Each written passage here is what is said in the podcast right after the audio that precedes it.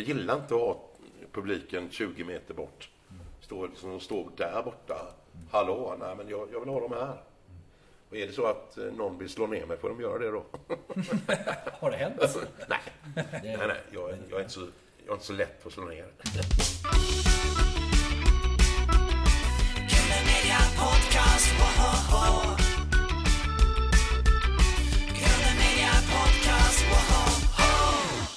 Välkommen Ebba Lundberg till Grunden Media Podcast med mig Carl-Magnus Eriksson och Jakob Olsson. Och Ja. Erik Jönsson. Ja, Ja. var är vi någonstans?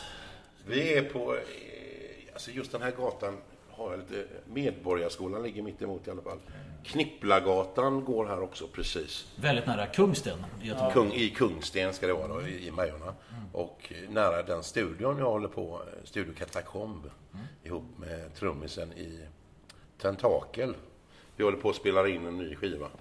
Eller faktiskt lite annat också. Men, eller ja, det är lite av varje. Det är min soloskiva och sen är det grejer som vi gör ihop också. Och så, jag, har gjort saker som är på hans nya kommande skiva. Och sen har vi gjort lite, lite så här skojgrejer också. ja. In- Inget smakprov sådär? Ja. ja, kanske. Jag vet inte. Jag, jag, det kanske ni kan få. Ja. Eh, faktiskt. Eh, trummisen här då, det är Pontus Torstensson. Ja, han heter Pontus Torstensson. Så han hjälper mig. vilka är det som är i studion förutom dig? Ja, just nu är det ett band som heter Rödtjut som håller på att spela in.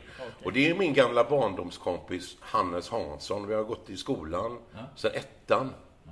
Eh, och han var alltså, eh, vi var punkare ihop på mods och allt möjligt. Vi har ju liksom vuxit upp tillsammans. Eh, och, och han, han var med i Mustasch, det bandet. Ja, just det. Ja, eh, och var med och startade det när, det- när de började då. Eh, och så har han varit med i lite andra band innan. Vi har spelat i samma punkband också när vi var små. Ett, som heter Slam och Cykeldödarna. Som var psycho, vi tror de sjöng Cycle Killer. Alltså Talking Heads, den heter Psycho det. Killer. Så det blev, blev Cykeldödarna då. Men det här, vi var väl 15-16 då. Och Sure Tråkings trio. Eh, ja, nej men vi har alltid haft, vi har alltid varit väldigt goda vänner. Men de är och spelar in nu med bandet Rödtjut som är då hårdrocks, hårdproggs, hårdrock, hårdprogg. Hårdprogg, det, Ja. känns som det, det är sånt som blommar upp här i Göteborg. Ja, ja, men, ja, men det är, väldigt, det är eh, väldigt Göteborg. Ja. Och det är låtar som eh, Alice Cooper och Black Sabbath tidigare. Det är väldigt mycket så eh, tung 70-talsrock. Mm. Och så sjunger de på svenska. Och jag måste säga att det är väldigt bra. Det är mycket bättre än Mustasch, tycker jag. Nej, men alltså, Hörde du det, Hannes? Ja, Lyssna på det här med det är det. Jag menar, han, men det är ju liksom, jag vet inte, de, de var väl bra. Eller jag ska inte säga så. Jag, jag känner ju Ralf också. Vi är ju alla jämngamla. Så att, eh, ja. Samma generationer. Ja. Men eh, när du säger progg, jag tycker att Göteborg har ju förvaltat någonting där. Alltså den stora vilan och... eh, Ja, ja, ja. Nej, men det har väl alltid varit, eh, vi har väl alltid varit eh, arbetarrockens eh, stad. Eller, eller industri, alltså säga inte arbete, mer industri, lite Sveriges Detroit. Kan man väl säga i och med att vi hade alla bilfabriker och sådär. eh, Så man har förknippat det. Sen är det väl ganska så här ruffigt eh, med skotska kontakter. Alltså det har ju alltid varit lite ruffigare än vad Stockholm är till exempel.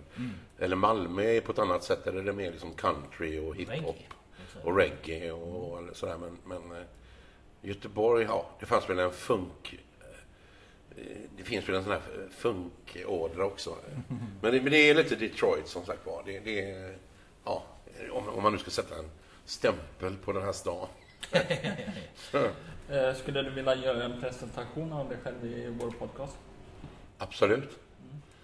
Nej, alltså jag heter då Ebbot Lundberg, fast egentligen heter jag Torbjörn Lundberg. Jag har inte ens Ebbot i registrerat, men jag kanske ska göra det för det är Tobbe baklänges. Det viktiga är vad det står i telefonkatalogen. Ja, just det. Ja, eh, nu vet ju alla var, var, man bor nu ändå, men, men ja. Nej, men... Eh, och, och, lindrigare kommer det inte bli i framtiden. Nej, men i alla fall. Torbjörn Lundberg, född 1966. Eh, ja, vad är jag? 56 år nu. Eh, Hållit på med musik sedan jag lärde mig gå. Eh, min första kontakt med musik var väl en gökklocka som grannen hade. Då var jag några månader bara. Jag hade precis sen jag kunde gå ungefär. Eh, och sen... Eh, så jag har, väldigt, jag har väldigt tidigt minne från musik. Och sen har jag hållit på med musik sen jag alltid, alltid hållit på med att spela in och haft en rullbandare och lyssnat på 10 topp och sånt som gick då på 70-talet. Tidigt alltså. Eh, och började komponera när jag var sju. Eh, och hade min första konsert när jag var tio. Men jag kan inte säga att jag har varit så här flitig, ambitiös på det sättet. Jag var mer liksom intresserad av att skapa bara. Mm. Inte att lära mig noter och sånt. Jag vet att jag, jag kunde det ett tag, men... men eh, ja, när jag började väldigt tidigt det var min mamma som köpte en tramporgel. Mm. Och så började jag komponera, eller jag började fingra på den och sen så lärde jag mig spela.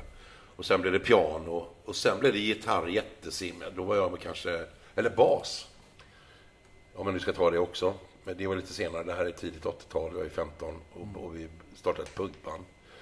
Och då spelade jag bas och så lärde jag mig trumma och så lärde jag mig spela gitarr också. Inte bra, men jag lärde mig i alla fall. Stämmer det att du eh, komponerade eh, Taube-nidvisor på... Ja, jag vet inte, det var en, kort beskrivning. Jag kan säga så här, jag gjorde... Taube-inspirerade? Mm. Ja, men det var mycket valser och jag, jag märker det, det är fortfarande det. Mm. Eh, valstakt. Eh, men det var för att vi seglade ganska mycket när jag var liten. Så fick jag liksom, det kom till mig sådär. Ja. Olika låtar och så... Eh, jag vet inte om det var nidvisor, det var väl nog mer eh, liksom det var bilder man hade i huvudet som var komiska. Liksom. Det, mm. det... Är det någon visa du kommer ihåg så här, än idag? Så? Ja, den handlar om Varbergs hamn. ja. Kommer ihåg? Eller jag tror att den hette Varbergs hamn. Ja. Och det var en av de låtarna som jag spelade upp när jag var eh, ja, tio då. De ville att jag skulle vara med på en Yamaha elorgelfestival och jag ville inte alls vara med. Jag, kunde, jag tyckte inte att jag kunde spela bra. Och jag tyckte inte ens kompositionerna som jag hade gjort var något speciellt. Jag tyckte jag, jag, men det var det jag kunde göra. jag var ka, kapabel tekniskt att göra. Men jag tyckte inte det var så här, wow, vilka geniala låtar. Men min pianolärarinna, eller orgel, hon tyckte det. Hon tyckte att, fråga har du verkligen skrivit det här själv? Ja. Mm. Men nu när jag lyssnar på det så är det, det låter som Karl Alfred Boy eller någonting. Alltså, ja, men det, ja, men det måste det, börja det, någonstans. Där. Ja, jo, visst, visst. Men i studion så har ni svårt att samsas om tiderna och själva musiken. Om du förstår min tanke. Ja, nej men jag är inte... Så här är det, han som har studion, han eh, har ju barn och sådär och jag får väl anpassa mig efter det. Mm. Så att jag, jag hade hellre, hade jag fått välja Mm. Så hade jag velat bo i en studio och spela in nonstop. Alltid. Mm. För det är det bästa jag vet. Men jag har inte fått tag i någon som kan tekniskt eh, ställa upp på det. Jag försöker få någon flytta hem till mig. Så jag kan göra det. Alltså jag, det skulle aldrig tröttna för jag hade sprutat ur mig grejer. Alltså det, det, så det är lite frustrerande kan man säga. Du sa här innan att du kanske är mer, eh, mer eh, estet än tekniker. Liksom. Ja, ja. Nej, men jag är inte alls tekniker. Jag är väldigt stökig och väldigt opraktisk. Sen var jag väldigt teknisk när jag var mindre, eller jag var innovativ sådär. Mm. Och hade det lättare, men det var ju en annan grej då. Då var det liksom analogt. Men just det här digitala har jag haft jättesvårt för. Mm. Även om det är mycket enklare, som alla säger. Men det är inte det, det är känslan i det. Det är ungefär som jag kan liksom inte, jag är en gammal skomakare. Jag menar, jag vill jobba med, jag måste ta i det jag jobbar med. Jag vill inte ha det på en skärm, mm. för det är inte verklighet för mig. Eller det blir så här, det blir konstigt. Hantverksmässigt, ja, analogt liksom. Ja, men det, det, så där är jag ju väldigt, eh, ja, ju mer teknologin gör framsteg, desto mer hjälplösa Jag är en döende art. Liksom. ja. ja. Vad är det aktuellt med just nu, förutom att du sitter och skriver i studion? Eh, jag jobbade med en kille som heter Nikolaj Dunger. Eh, den är jättebra den skivan, men det är ingen som vet om att den har, det är väldigt få som vet om att den har, han har inte gjort någon promotion för det. Jag vet inte, det var, inte, det var så att eh, det, hände en olycka med eh, hon som skulle hjälpa honom med det. Hon, hennes man dog, så att det blev liksom... Men den skivan är jag väldigt nöjd med i alla fall. Den heter eh, Every Line Runs Together. Eh, och den har jag jobbat med. Och Pontus här då i Tentakel som jag jobbar med, han har varit med också. Eh, och sen har det varit en massa andra namnkunniga musiker med där. Men det är det och sen, ja, vad är det mer jag har gjort? I musikalisk, jo, i ett band som heter Five Billion in Diamonds. Som är då består av tre engelska DJs som jobbar med Massive Attack och allt möjligt. Och, och, eh, från, och musiker från Spiritualized och eh, Butch Wig som producerar Nirvana. Han är med också. Vi har gjort några låtar ihop. Och Helen heter hon som sjunger där i Portishead också. Det är en slags och en, en snubbe från Minnesota som är med ett band som heter Ocean, The Ocean Blue. Så det är liksom ett sånt här Vilken si, si, sidoprojekt kan man säga. Eh, Jag skulle inte säga att det är, eller folk vill kalla det för supergrupp, men jag tycker det blir lite fel för att de är mer, de, de tänker mer så här filmiskt och DJ-perspektiv tror jag. Men det är väldigt, eh, vad ska man säga, spacigt. Och väldigt välproducerat. Kanske lite för välproducerat för min smak, men, men det är ändå, ja, det är skön musik. Men då har du varit ute och rest llite här och spelat in så att säga? Med... Ja, det har jag ju varit. Jag har varit mycket i Silver Lake i Los Angeles och mycket i Bristol och i London och så. Eh, och så. Ja, det har varit kul. Alltså det är ju polare sådär. Det, det är en skojig grej. Vi, vi är liksom inte... Eller ja, vi har kul bara när vi ses. Nu var det, ett jätte, nu var det länge sedan på grund av pandemin då vi inte kunde ses. Men ja, den släpptes på vinyl häromdagen, i alla fall den sista skivan. Vi har gjort två skivor. Och så håller jag på då med min, med min soloplatta då, som heter Beyond the Cubalian. Och den har jag gått ut och sagt att den släpper jag mellan... Alltså den, den releasetiden är egentligen nu. Och jag släppte faktiskt en låt, eller två. Ja, det var en demoversion av just det. Men det var i alla fall en låt som jag släppte den 22 i år. Men det, det, så jag, hade skrivit att det kommer mellan den 22 i 2022 till den 24 i 4 2024. Så att det är... så att releasetiden är nu och så är deadlinen är 24 i 4 2024. Så att det kommer komma ut väldigt mycket musik. Vad är demo för något? Ja, demo är då en variant på eh, en låt som sen blir... Alltså, jag tar in, låt säga att jag gör en demo själv med akustisk gitarr, bara jag sitter och gör en skiss. Eh, innan själva släpp. Men, eh, men nu, gör, nu gör jag så att jag släpper både demo, demovarianterna och slutversionen, så att säga. Vissa tycker att demorna är bättre, så det, och det kan jag tycka själv också när jag hör vissa låtar, så här, hur, hur de produceras. Men det, jag tycker liksom man kan lika väl eh, släppa alltihopa nu, när, nu när det är... Jag menar förr i tiden när det var vinyl eller skivbolag och sådär, då var det ju ofta problem att släppa det. Eller man kunde liksom inte lägga ut vad som helst. Men nu är det ju, spelar det egentligen ingen roll, för det är så mycket som släpps. Och det är lika bra att bränna på, tycker jag. Och det kommer jag att göra, kära fans. Ja. För jag har varit väldigt dålig på det. Eh, och jag ska ta tag i det nu. Vi måste ju prata lite återföreningar här. Ja, jag förstår att det den, den kommer ju... en återförening här som tänker på. När ska Sune Tråkings trio? Alltså Tro- Sture Tråking. ja. men det är inte helt omöjligt. Jag menar, Ja, det- den, den, den eh, kassetten då som vi gjorde, den måste vi ju... Eh, alltså, vi, tänker ju släppa den. För det måste vi göra, för det är ju liksom lika mycket, det är ju dadaistisk punk. Det är inte riktigt... Vi skrev ju titlarna först och sen så spelade vi in det bara, improvisation. Och kanske någon låt vi repade in sådär, eller vi hade någon idé. Men eh, det var ju väldigt sådär eh, speciellt. Och lyssnar man på det idag så är det fortfarande väldigt roligt. För det är mycket sketcher emellan, emellan låtarna. Liksom. Det, och vi spelar bara in med en, berg, en sån här gammal bergsprängare med två kanaler. Så vi stod liksom och sjöng. Alltså bytte instrument och till exempel så stod man och sjöng, spelade nere i våran källare var det, ute i Askim. Och stod vi och sjöng mot den här band, bandan liksom. Alltså, trummisen fick ju vara längst bort. Och så fick man sjunga in i den så här. Medan vi hittade på alltihopa. Och sen så spelade in en massa och så bara lyssna på det. Och så eh, ibland kan man inte höra vad, till exempel Patrik Kaiganis då som var med i Union Carbide. Till exempel skriv ner vad du sjöng. Liksom så här, vad sjunger du? Och så jag bad alla skriva ner vad de sjöng. För de visste ju inte vad, det, det var ju bara Rakt ut liksom. det var bara rätt ut. Det var, så det var ju liksom bara ord egentligen. Men det blir så jävla roligt när, jag, när de skrev ner. Vad, Då tänkte jag, det här är ju helt genialt. Det finns bevarat också då? Så det kanske Ja, ja, kommer ja. upp- Nej, men alltså jag har... Jag, grejen att jag, jag hade tänkt, jag tänkte släppa det här jättelänge, men det har är inte någon som har orkat. Alltså det är, det är lite synd faktiskt, kan jag säga. Men det är fortfarande någonting som vi kommer lägga ut. Eh, Du kan även få lägga ut mina texter också. Ja, du gör det? Ja, Det finns en agenda här. Klart. absolut. Vem var Sune Tråkig åt Lundberg? Vem Sture Tråking var? Det var en landshövding i tidningen Mad. Det var något nummer där. Det kan vara sent 70-tal. De, de intervjuar landshövding Sure, Sure Tråking och så är det en sån här grå gubbe som ser väldigt... Ja, han är väldigt tråkig i alla fall.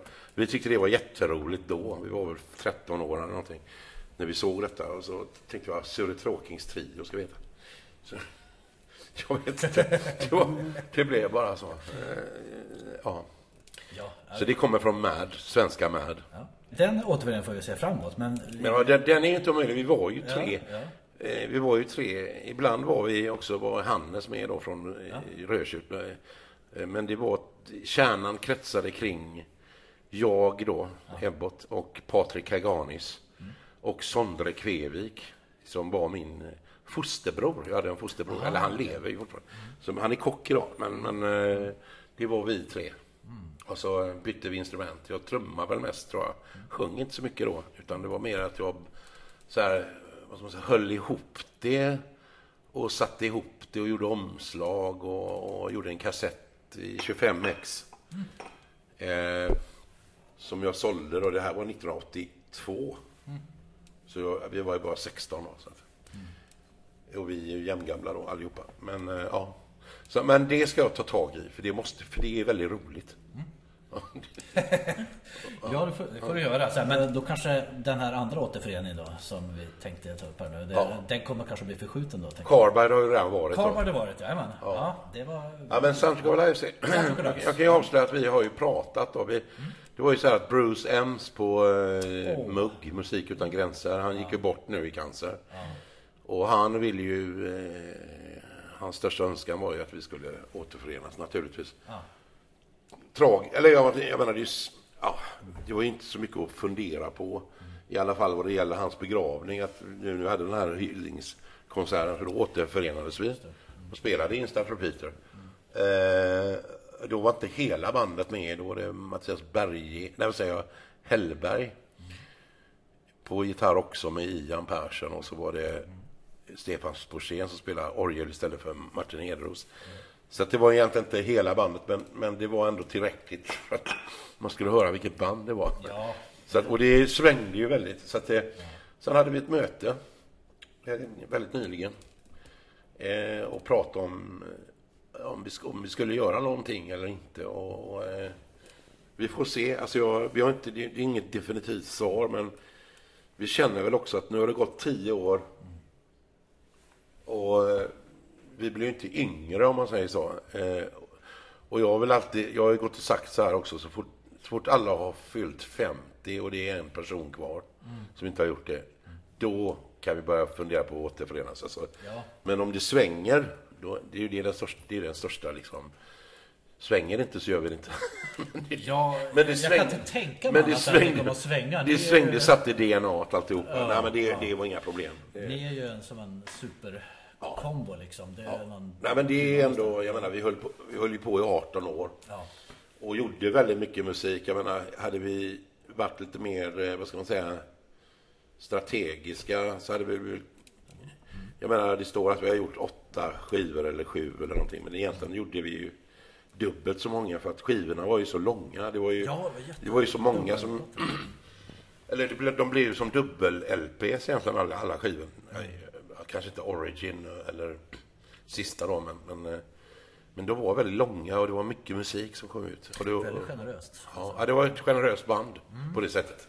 Eh, har ni saknat varandra? Eh, ja, alltså, ja, det kommer ju en tid då man inte saknar varandra. Eller jag menar, man, man, har man hållit på i 18 år som vi gjorde.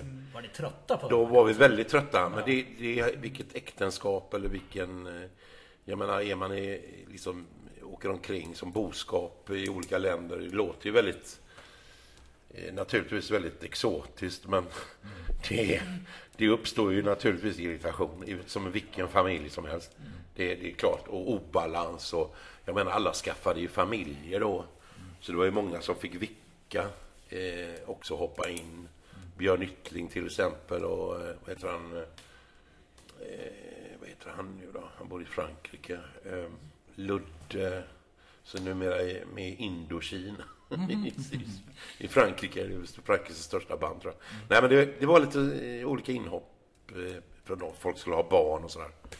Men, men eh, annars så var, jag menar vi gjorde ju väldigt mycket. Vi var ju, vi var ju överallt. Det som vi lyckades missa var Indien och Sydamerika faktiskt. Resten av planeten? Ja, men resten, Kina var vi... Vi, nej, men vi var nästan överallt. Tibet också till och med. Asså? Så det- Ja, eller på gränsen här. Behind the Music-plattan har ju spelat sönder och samman alltså. eh, Och gör det fortfarande. Ja, ja. Eh, Nej, den håller sig. bra. Ja, men det är som en krutdurk när ni kommer samman där. Så man, man har saknat det. Jag tänkte, det har varit rätt mycket återföreningar från förr. Eh, The Ark och Popsicle, Atomic Swing och alla de Ja. som jag har sett. Det har varit verkligen bra fortfarande. Ja, ja. Så Ja, att det håller det där. Så helt övertygad om att ni skulle kunna göra också. Ja, tack för det. Nej, men eh, det var väl tanken också att det skulle göra det. Eh, Därför man var, var ganska noggrann med alltihopa faktiskt.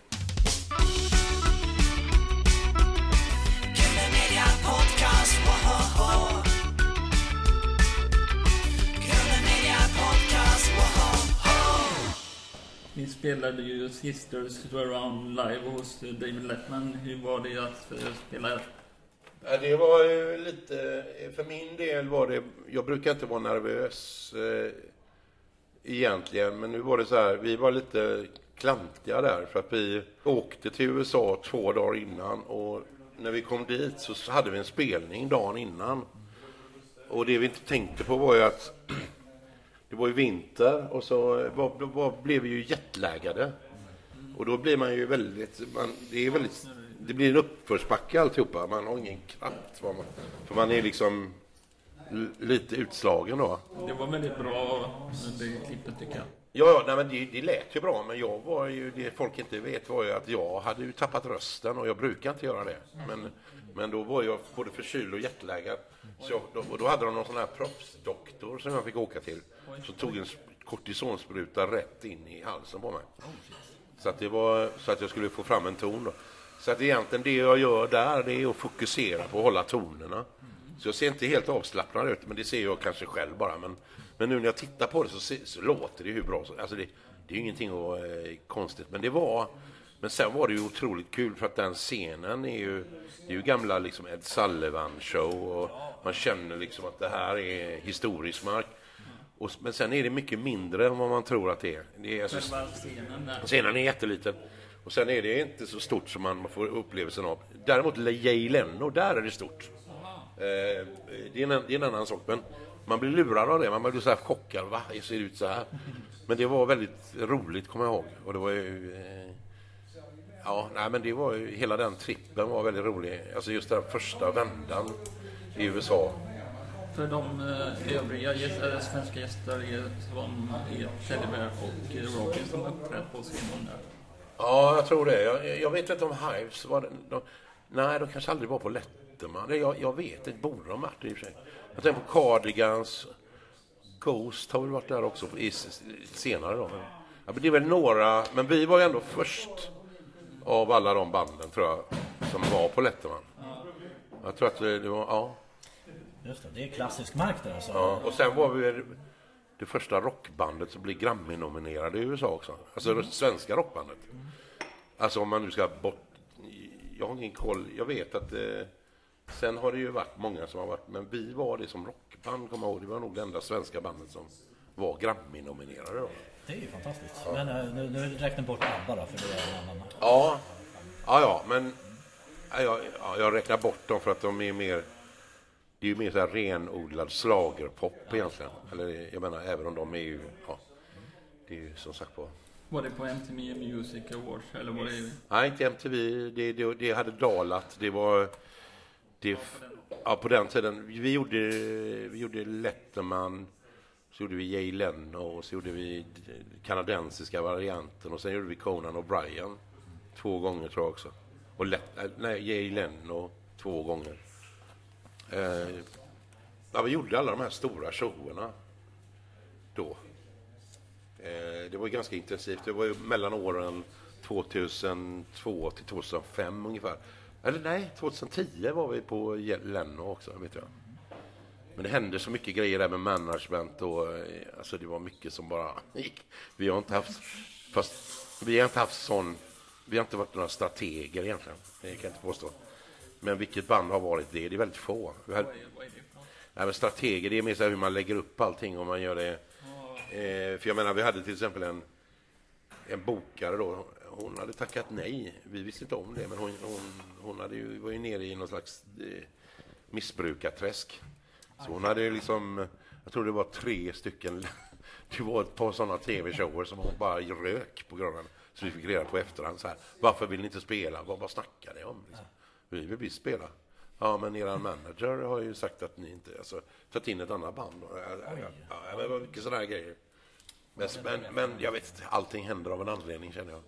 Så att det var väl, eh, vi, vi brände väl ut oss lite också. Jag tror att vi, vi men det är svårt att, det är svårt att veta när allting rullar och sen är det ju, sen eh, fick vi uppleva då att branschen, jag menar nu när internet kom, och liksom det blev digitalt allting och, och CD-försäljning och allting dala och sen så kickar de alla rockband och det är bara R&B kvar. Och idag är det väl bara egentligen barnmusik som de satsar på och slager. Nej men alltså det är... Äntligen! Ja, ja, precis. Nej, men alltså det, det, det har ju hänt ganska mycket. Men vi fick uppleva hela den, och jag är väldigt glad över att ha upplevt den gamla, vad ska man säga, den här som man ändå har vuxit upp med, att man går på röda mattan och det är liksom hela den här, allting som är runt, den här rockstjärnegrejen. Och det, det räcker för mig någonstans. Jag, jag kände det när vi hamnade på Lettman. Då kände jag så här, okej, den här biten, då kände, kände jag personligen, jag vill inte fortsätta eh, och försöka bibehålla den här staden. Alltså, jag kände, nej men det, är inte, det var inte roligt. Och det kände jag när vi kom hem och spelade på Slussens pensionat. Då kände jag, det här är tio gånger roligare. Ja, ja, men det, För jag menar, det är så mycket omkostnader med allt ändå, så man får ut ungefär lika mycket stålar ändå, fast man har mycket roligare på slutet. Nej men, det, nej men det är också så här, man har en bild av någonting, jag ska ta mig dit, och så gör jag det, och sen är det, räcker det. Så kände jag, okej, ska man ta sig vidare? Nej, inte med det här, inte, inte på det här sättet. Det, det är min, å, min egna personliga liksom, känsla av det. Så att, det var mer att bibehålla kvaliteten på skivorna. Det var mer, mer, jag kände så här, det var viktigare än någonting annat. Sen att vi var hippast eller låg etta och sådana grejer. Det, det, det var inte intressant. Nu hamnar vi ju på första plats med plattan efter då. Och det tyckte inte jag, jag gillade inte det för den förtjänade, det var inte, jag, tyckte, inte- jag tyckte inte den var lika bra. Alltså, Pratar vi då om Origin. Origin? Ja, nej, men det var så här, det var så mycket och folk skulle lägga sig i och det blev bara en röra av alltihopa. Eller i mitt huvud, jag har inga, jag har inga bra minnen av den skivan. Om vi ska ta det kronologiskt så var ju Welcome to the Infantry Base, det var den första. Och den, eh, jag kan ju inte säga att eh, vi släppte ju inte den worldwide tyvärr. Hade vi gjort det så kanske det sett annorlunda ut, jag vet inte. Men då slog vi ju i Sverige och Warner i Sverige hade ju, de hade väl liksom ingen koll riktigt. För de hade försökt lansera folk utomlands tidigare. Som Dileva och Creeps och sådär. Det inte gått så, gick ju inte så bra då. Eller Kent eller vad man ska säga. Ni vet inte om de låg på Warner, men skitsamma. Det har ofta misslyckats av olika skäl. Då, men och vi fick väl inte heller någon chans sådär, utan vi, vi tog saken i egna händer för att vi, den blev ändå, den fick så bra eh, press och, och recensioner i, i, överallt. Så att vi åkte till England och började spela där, men då hade vi redan liksom gjort en, jag menar vi fick Grammy-nominerade här i Sverige då först. Och sen så gjorde vi en platta till som hette Extended Revelation, som egentligen var den, alltså den var inspelad ungefär samtidigt som första. Det var, det var väldigt mycket låtar. Så vi delade upp de två, så gjorde vi Extended lite, lite mer, liksom, det blev någon slags eh, lugnare variant av första skivan. Och, eh, Björn hoppade av och så in kom Mattias Berghed eh, precis. Och då tyckte folk så ah de har tappat det, men grejen är att vi hade redan spelat in det långt innan, så det var, stämde inte alls. Utan det blev tvärtom då. Eh, och eh, den var väl kanske inte så... Jag tycker den är jättebra den skivan. Jag, eh, men, men eh, då hamnade vi i en dipp i, typ i slutet på 90-talet, 99. Vi var nästan splittrade då. Eh, och då hade vi allting liksom gick åt fel håll och, och Warner ville göra sig av med oss. Och vi hade inget, eh, det var inget intresse. Claes Lunding hade hoppat av som signade oss då. Så vi hade väl, ja det var en jobbig period och då flyttade jag till Stockholm kommer jag ihåg. Så jag låg på dem ganska mycket. Så gjorde vi då Behind the Music, vi gick in igen då.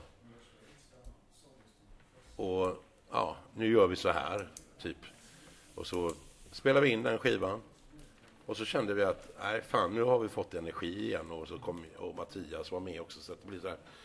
Det blev en liten ny, nytändning där.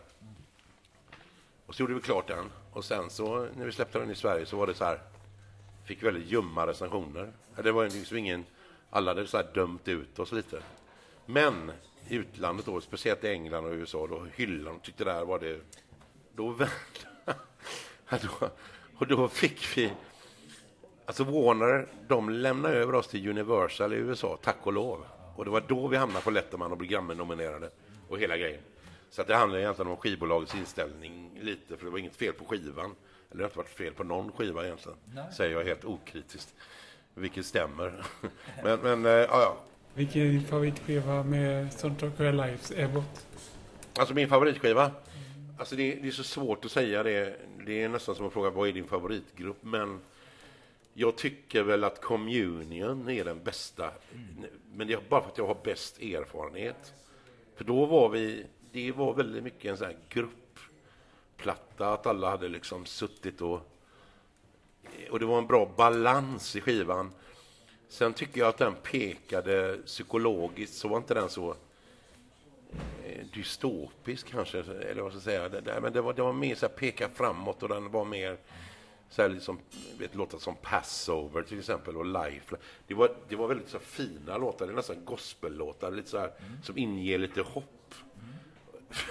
För det tycker jag inte påstå att de andra skivorna... Det, är det var ju mer... mörka texter. Ja, men det var, ja, eller mörka, jag vet inte, det är, det är lite så här, nästan lite kryptiskt, eh, s- ja, vad ska man säga? Gåtfullt. Vilket, vilket, ja, lite mer gåtfullt och kanske inte, kanske lite scary sådär, men det jag vet inte, jag gillar den grejen på något sätt. Absolut, ja. Men, men, eh, och sen är det ju liksom en, eh, ja, nej men jag ska nog säga Communion, men, men, st- men de är väldigt så här, jag skulle säga första Behind the Music och Communion är de starkaste. Eh, De, de tre skivorna. De, de, det beror på lite på vilken dag det är. Och Nu räknar jag inte in Present from the Past för att det är ändå liksom hälften B-sidor och sånt, men den är också väldigt bra. Eh, Blir det någon turné framöver? Eh, turné? Alltså med soundtrack? Nej, ja, det vet jag inte ännu. Men ja, jag har precis av... Jag har gjort en turné nu själv.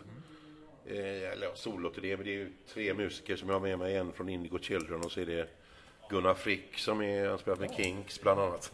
Och sen är det... Fantastisk eh, stil. Ja, stil ja men han är ju väldigt bra. Han är ju klippan, eh, både han och Billy är ju klippare. Sen har vi en cellist också som heter Håkan Molander. Som är en sån här gammal London Symphony Orchestra skolad snubbe. Men han hade ändå kommit ut i rocksvängen nu så han har fått blodat han. Men han är väldigt bra. Så, det, och då, så då har vi med oss trummor och bas. Så att det är cellon får stå för det. Liksom. Så det är väl det jag har gjort nu den, den här sommaren och förra sommaren. Vilket har varit väldigt kul också. När köpte du din första kaptan, eh, Ebbot Lundberg? Min första kaptan, eh, det var i Marocko 1984 tror jag. Eh, då köpte jag en sån här blågul kaftan som hängde hemma. Eller jag vet inte, jag tyckte bara den var snygg och sen så första gången jag var i, i, i New York, vilket var då 88, 1988. Då hade jag med mig den. Eh, då brukar jag ha så här yuppie-kostym på mig men de, de kläderna åkte alltid av och så hade jag men på det så hade jag, hade jag den kaftanen, kommer jag ihåg. Och så tänkte jag, ja men det här är inte fel, eller det känns inte fel. Liksom. Sen hade jag den några enstaka gig med Union Harberg. Men sen när vi skulle starta Soundtrack of Lives, då var jag nere i Marocko, kommer ihåg, och köpte på mig ännu fler Chelabas, som det heter då, egentligen. Eh, och så började jag använda det på scen. Det och mammaklänning till att börja med. Men, och sen blev det så, så började jag tänka, men det här är, ju- det är ju det här är ju underbart. Eller jag, det, jag har alltid tyckt, jag har alltid gillat det. Eh, Det, är- det är väl liksom Inspirerat av de gamla grekerna egentligen. Från början, att man bara går omkring och... Det ju tjusigt. Eh, ja, men, men eh, och så tänkte jag det här kan jag åldras i med värdighet också. så, att det, så blev det. Det blev ett signum så jag började sy upp då. Ja. Du sydde dem egna? Ja, det min fru gjorde det. Hon var ju designer också. Eh, hon gjorde det. Och sen så jag har jag ju låtit andra då. Jag har fått lite olika eh, folk som har gjort kaftaner till mig då. Men jag har ju en hel del. Men så, så, så det kände jag, det här kommer vara mitt plagg.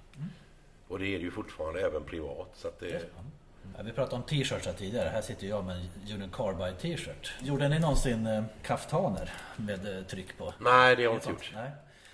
Det- Jag vet att den frågan har jag fått. Du har fått den? Ja. Däremot är det den här till exempel. Som Ja. ja. man, det är Apple Tree heter det. Det är en Ja. snubbe i Stockholm som, som ringde mig och bad om lov att göra det här. Men nu- nu är ju det här nästan högsta mode. Har det blivit, så att det, ja, jag vet inte. Det, men det, det var ändå... Eh, sen var det väl det också. Jag tänkte, jag, menar när man blir äldre så blir man ju ofta lite större och bredare och ja, lägger på sig lite. Så jag tänkte det är också bra.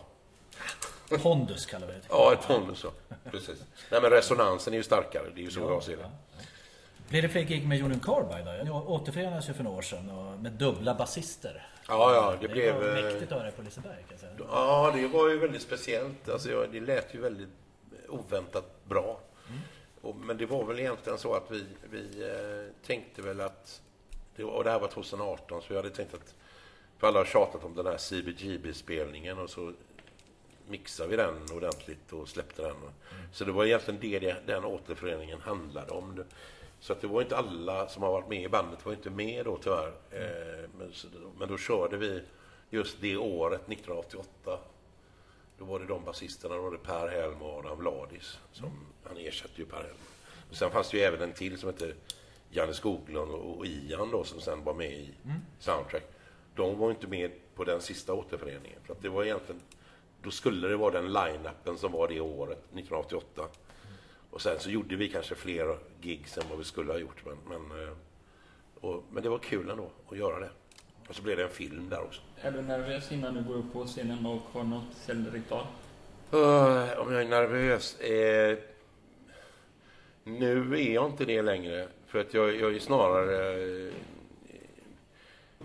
nej, jag, jag, jag tycker det är skönt att gå upp på scen. Det som jag inte gillar är att sitta i logen. Jag tycker det är, det är jobbigt. Det är ungefär som att sitta i väntrummet till tandläkaren eller någonting. Men när man väl är hos tandläkaren så är det ingenting. Eller när man är på scenen, då är, för mig är det ett utlopp bara. Men jag har ju varit nervös. Men efter, jag tror att min nervositet slutade när vi skulle spela framför Zeppelin, Led Zeppelin. Och det var ju eh, Polargalan 2006 Just det. tror jag. Och då var ju liksom, då satt ju hela bandet där, alltså minus John Bonham då. Men så var det ju liksom prinsessan Lilian, hela kungafamiljen. Alltså de satt längst fram och så skulle vi spela Kashmir, som är en ganska svår text. Som jag aldrig, aldrig jag trodde jag skulle liksom lära mig den lätt, men jag satte inte ens den på repet. Men när vi väl spelade den, då satt det. Men då var jag, jag tror att efter det så kunde jag inte bli nervös. För att det, det, det släppte liksom, det var liksom det största eldprovet någonsin. någon- någonsin liksom. ja. Fick du prata med zeppelinarna efteråt? Ja, alltså vi, grejen var att vi hade varit ute på turné med, med Robert Plant i, i, i en månad i USA. Ja, Så att jag hade lärt känna honom. Jag menar, han är ju lika mycket en musiknörd som vi själva och är, är väldigt konsekvent, väldigt cool snubbe faktiskt. Och väldigt sunda, sund inställning till alltihopa. Jag menar, han är ju en gammal bluesmusiker egentligen. Eller ja, en manlig variant av Janis Joplin skulle jag säga att han är. Men, ja. var det också när han var ute och spelade med Alison Krauss? Ja, det var när han rev. Ja, just de skulle, de skulle, grejen var det att det som hände var att när vi spelade Kashmir, och den har inte de spelat själva sen John Bonham dog. Då sa de att fan, han ville bara gå upp på scen och, och sen gjorde de en återförening, sista. Och två månader efter, eller tre månader efter våran Polargrej, så jag tror att vi pushade dem att återförenas. lite. Men sen kände väl han att nej, jag vill inte fortsätta. Så att han re, de skulle ha en jag tyckte det var rätt coolt att de vi erbjuder en, en miljard för att återförenas. Så han bara river kontraktet. Åker ut med Eh, Ericsson Krauss och bara säger ja, men jag sjunger inte på det sättet längre. Och det tycker jag är väldigt så stort. Den konserten finns ju på film. Tror jag. Ja, just det. Eh, Och gjorde en liksom. Ja, det var den och det var den och den var, den kom. Jag tror att de bestämde det efter de såg oss där. Alltså jag är helt övertygad. Det är coolt alltså. Ja. Ja, Ja, men det är var, det fick, de fick så här, fan vi måste spela alltså just Ja. så här, så att det, det på något sätt, det, ja, det, ja. Men som sagt och så är ju han, jag gillar det också, han är ingen sån här arena snubbe längre heller. Även Han, han åker gärna till Svalbard eller någonting sånt, alltså exotiska ställen. Det är lite så jag själv tänker också. Att man vill man upp, uppleva ställen istället för att stå i någon slags arenabur, som jag kallar det. Att man bara liksom åker omkring i en arena. Och, och nu för tiden, jag, jag gillar inte den här distansen som är. Och rädslan, är lite covid, så är det att någon ska börja skjuta med någon pistol. Eller du vet, det är så mycket grejer som händer hela tiden. Och folk är så ängsliga. Och jag, tyck, jag gillar inte den, för det blir ingen närhet. Det blir bara liksom någon slags skräckblandad förtjusning som inte är... Ja, den tilltalar mig inte. Jag, jag gillar inte att ha publiken 20 meter bort. Stå, liksom, de står där borta. Hallå, nej men jag, jag vill ha dem här. Och är det så att eh, någon vill slå ner mig får de göra det då. Har det hänt? nej, nej, nej jag, jag, är inte så, jag är inte så lätt att slå ner. Eh, På, på tal om Polar, det var jättebra när du uppträdde senast så såg jag... Iggy Pop. Ja, du Ja, uppträdde. Ja, det var roligt. Det var, det var väldigt Det var roligt. väldigt bra klipp såg jag. Ja, ja, det var otroligt kul. Det var väldigt roligt. Jag ska spela med dem. Det är också en- ett band som är med i New Alchemy. Ja. Och det är ju lite blandat då. Eh, Vi ska spela nu på en utställning på Skärhamn, i Skärhamn första oktober. Och det är på dagen tror jag. Eh, Det är en konstutställning. Eh, Där vi ska spela då. Och, men då ska vi liksom illustrera ljudmässigt de tavlorna som ställs ut där. Så det är väldigt så här instrumental. Eh, ja. Men i alla fall, det var väldigt kul den, den biten och det var ju några från Karlberg där. Mm.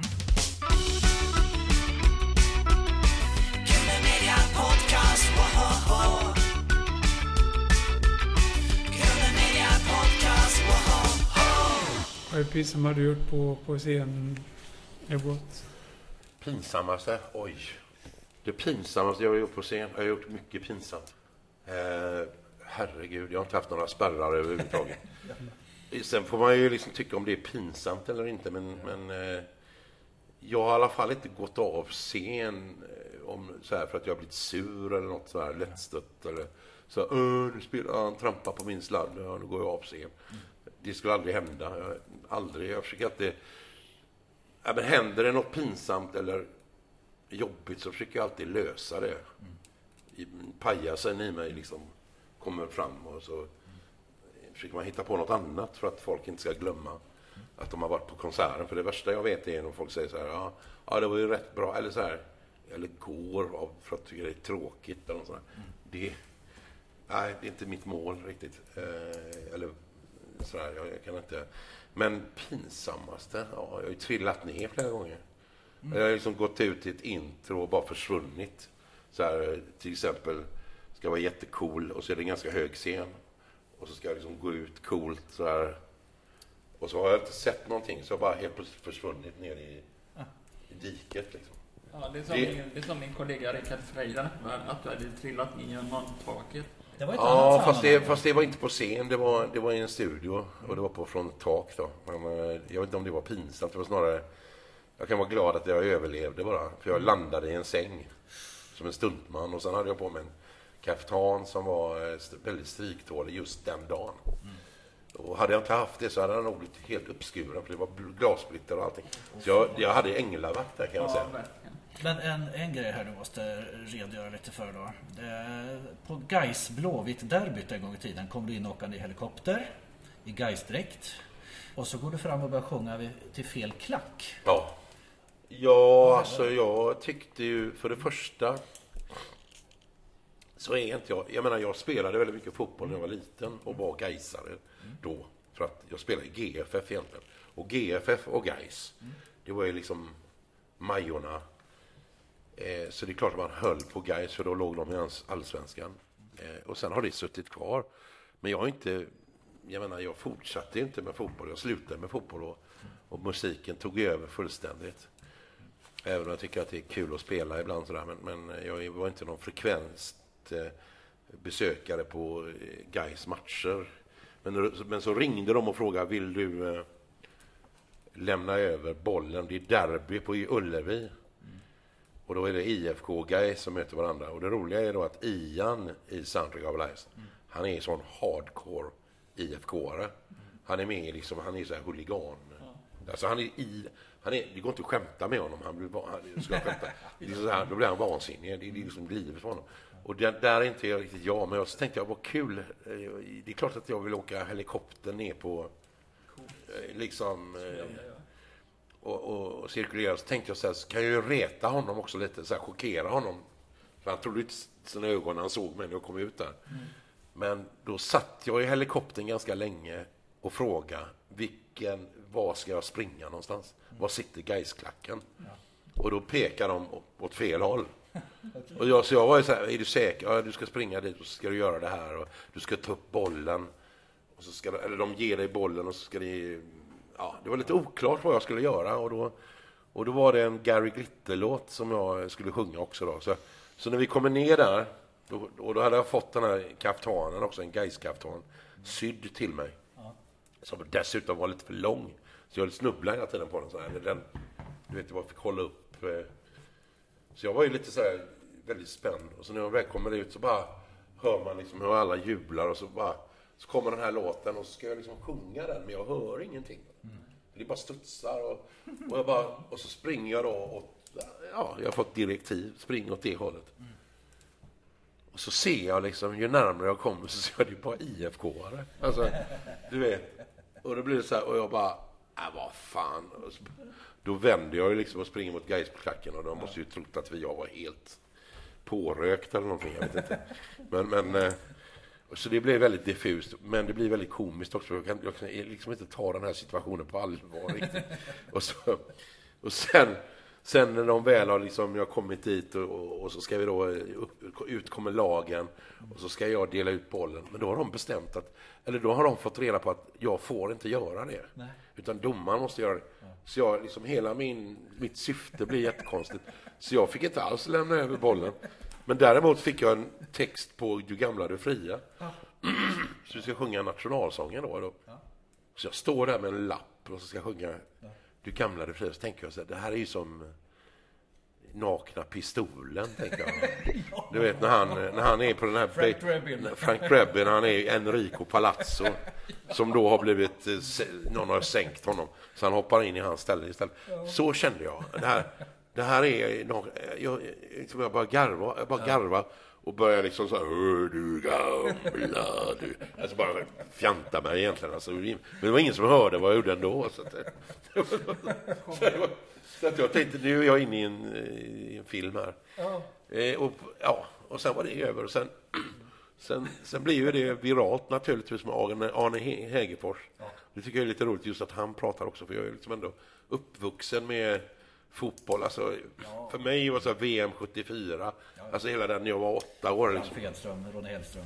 Så, ja, ser Ebbot Lundgren också. Som alla, jag vet inte var det kommer ifrån. Varför folk säger Ebbot Lundgren. Eh, Lundgren. Ja. Ja, men det, det var samma med vad heter hon, Lotta, Lotta Lundgren blir ju Lotta Lundgren. ja. kallad eh, Lotta Lundberg. Hon säger och det är samma problem med henne. Så. Ah. Ja. Varför? Liksom? Joakim Tåström heter ju inte Tåberg, det är ingen som säger. Ja, Nej, men, Så ja. alla som hör detta nu får chansen att eh, Visst. betänka det här efternamnet du kommer Precis. Saknar du Freddy Ward? Ja, det gör jag.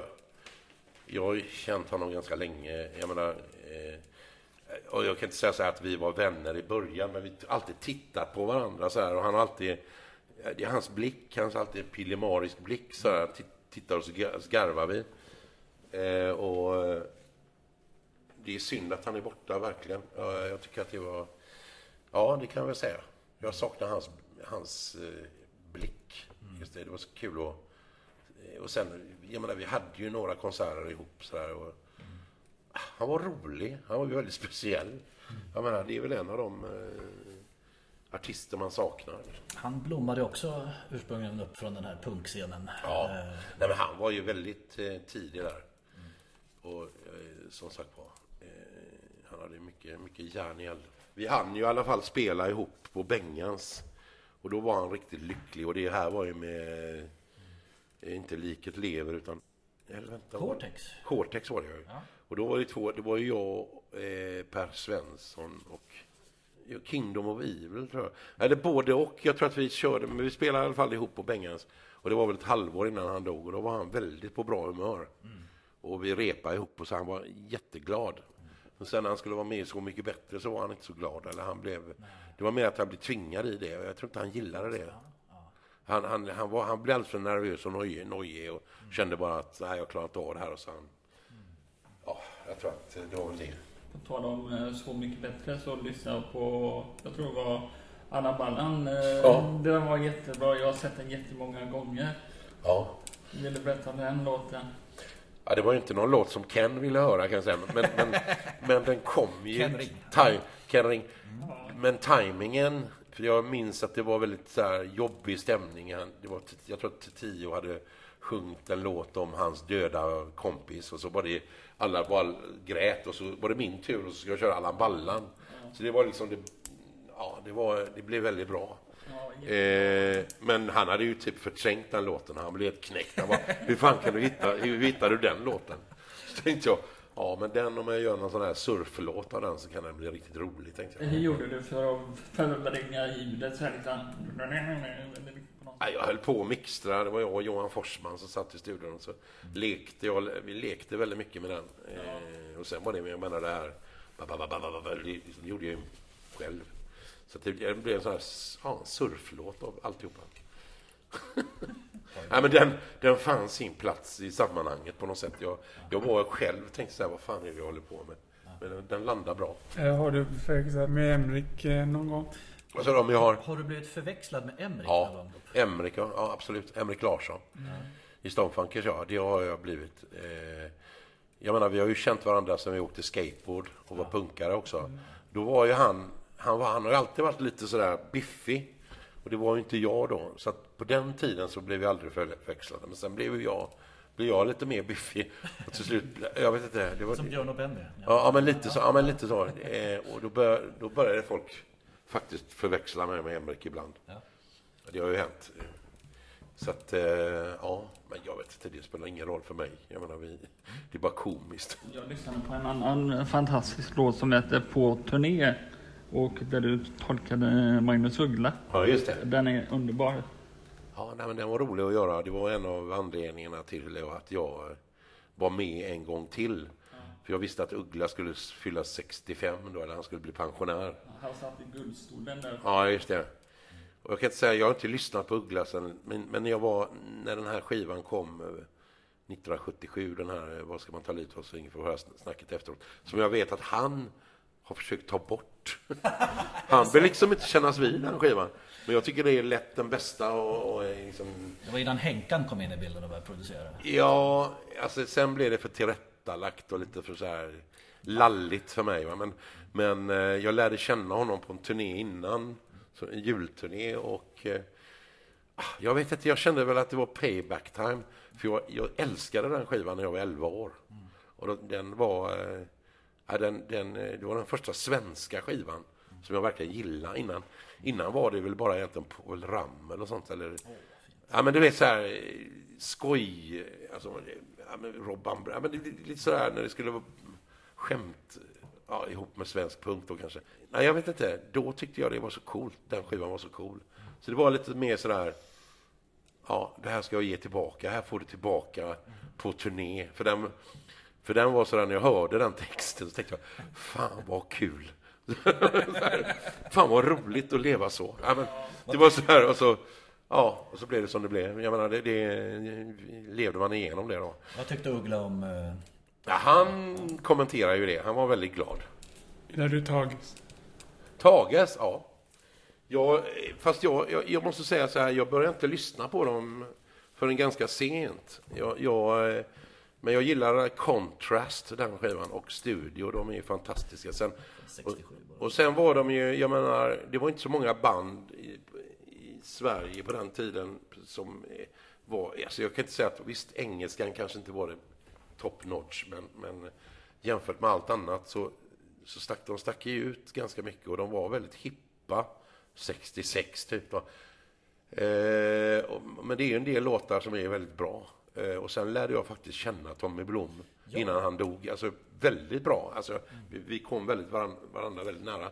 Så vi var i Memphis ihop och sådär. Och, eh, ja, vi, åkte, åkte på turné med dem, hela det gamla gänget och fick höra deras anekdoter, deras stories. De var ute med The Who och spelade på den tiden. Och, ja, det var mycket roligt som hände där. Eh, och han var väldigt rolig faktiskt. Men han gick ju bort också eh, 2015. Så att det, nej, men jag, jag är väldigt glad att jag lärde känna honom och sen lärde känna dem, eller jag har ju träffat de andra men han, nej, han, han eh, hade ett stort hjärta den mannen faktiskt. Men han var ju liksom den första superkändisen i Göteborg i alla fall kan man säga. Han var ju, det var ju liksom, ja, han hade ju en, han berättade om den tiden också. Han var ju bara 17 år när han slog igenom. Ju, så han var ju, han blev ju knäckt av det också lite. Så. Man märker det längs Tages karriär där så är det Göran Lagerberg som får mer och mer front. Ja, ja, men han Han väl... kan dra sig tillbaks lite där. Ja, och Göran Lagerberg är väl inte sådär, han, han gillar väl inte att vara i rampljuset, men han var ju den som var, vad ska man säga, den tekniska och den duktiga musikern. Medan Tommy Blom kanske var innovatören mer. Han var mer Tommy Blom var mer liksom sån här han var ju mer den där flippade snubben. Eh, och det, så var det faktiskt. Han, han kanske, ja, jag vet inte om det var eh, att han själv tröttnade eller, eller att eh, det var någon engelsk manager som tyckte liksom inte att han inte skulle vara med också.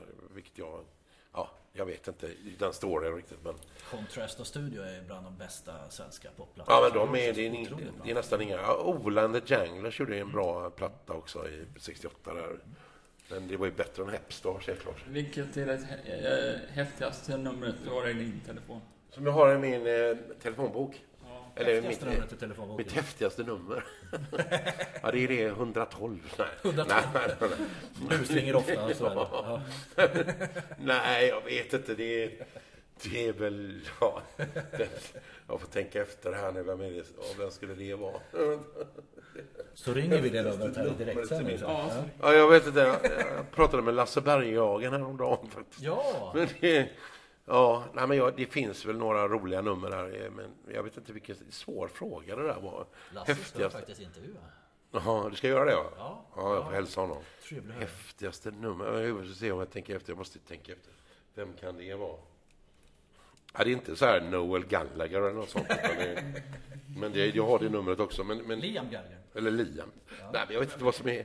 Jag kan, det är svårt att svara på den frågan. Jag vet inte vem- det, det skulle vara egentligen. Eh, Vi kan göra som en liten cliffhanger till nästa intervju. Ja, Eh, faktiskt. Vi har ju faktiskt en följdfråga från Thomas Bodström till dig. Vad gör du exakt om tio år idag? Ja, det kan inte jag svara på. eh, om jag lever så gör jag musik. Ja. Eh, så att, eh, men det är svårt att... Alltså det kan inte jag, det, det vet jag inte. Absolut inte. Jag, jag bara tänkte så här, vad gjorde jag för tio år sedan? Vilket inte var så länge sedan. Det var ju 2012 då. Så att, eh, nej men jag vet, tiden går ju så snabbt. Men jag, eh, min önskan, eller som sagt var, om jag ska fylla någon funktion på planeten så fortsätter jag att göra musik. Eller, ja, jag menar om jag inte har blivit... Eh, ja, bor i underjorden eller någonting sånt. Jag vet inte. Eh, vad gör dig glad i Bortlund? Alltså det som gör mig glad är eh, glada, positiva människor. Eh, eh, och vad som också gör mig glad är om man kan ändra en, ett humör. Alltså låt säga att du kommer in i en lokal och det bara är sura människor. Men så lyckas du ändra om stämningen och energin i lokalen. Den känslan, den gör mig väldigt glad. Det är väl lite det, jag känner att det är väl egentligen mitt syfte. Det är väl att ändra på energier. Mm. Om man nu ska gå in på kärnan i det.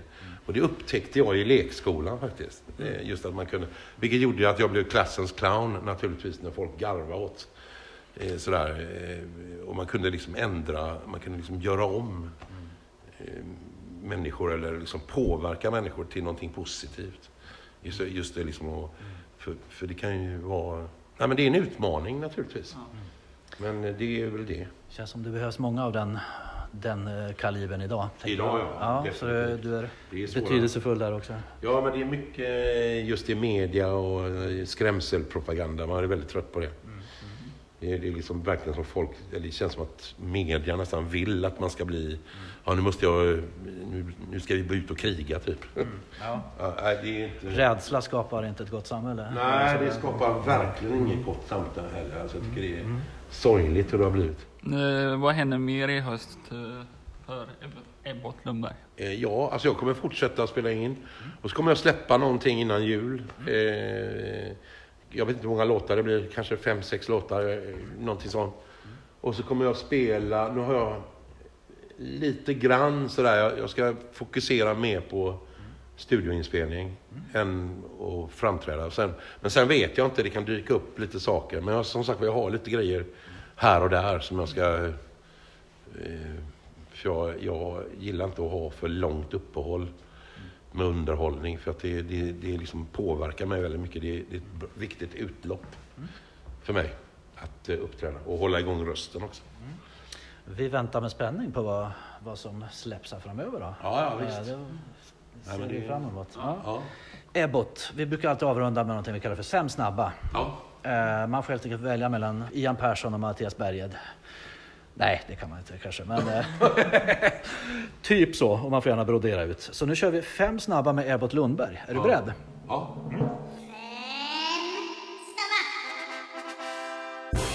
Eh, vinyl eller Spotify? Vinyl. Beatles eller Håkan Hellström? Beatles. Soft Parade eller Morrison Hotel? Den var ju lite, just de, jag, det är, jag- det första och sista. Alltså, de är mina favoriter. Men Morrison Hotel och Soft Parade, fasen det var en svår. Jag skulle nog... Fan, ja, det... Vi hann ju inte prata om Doors här, så att, men... eh, Nej, men eh, de två är ju lite... Alltså, jag, jag måste nog säga Soft Parade, även om den har fått mycket skit. Så, så gillar jag de här eh, Touch Me och de här låtarna, även om han inte kanske älskade dem själv. Men, men jag, jag gillar den... Eh, nej, och så sista låten, vad den nu heter, som är någon slags popori, den är bra. The Soft Parade heter den, tror jag. Ja, ja. Studio eller turné?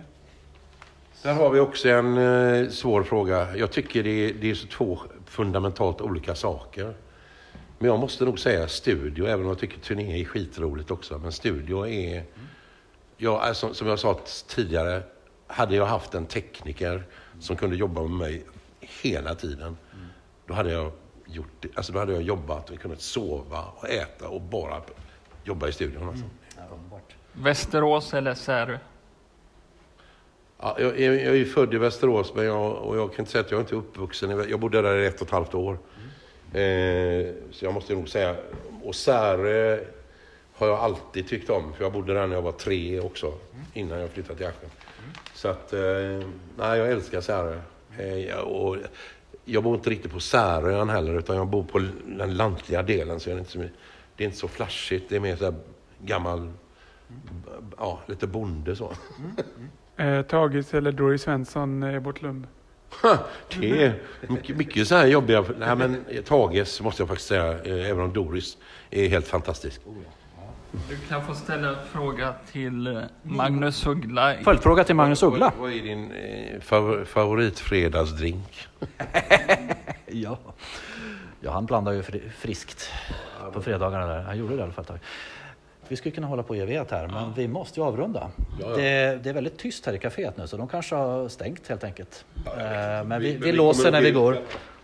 Ebbot, vi skulle vilja tacka dig så hjärtligt för ett fantastiskt fint samtal. Ja, Eh, lycka till med mycket, projekten. Ja. Hej då! Ja, hej tjena.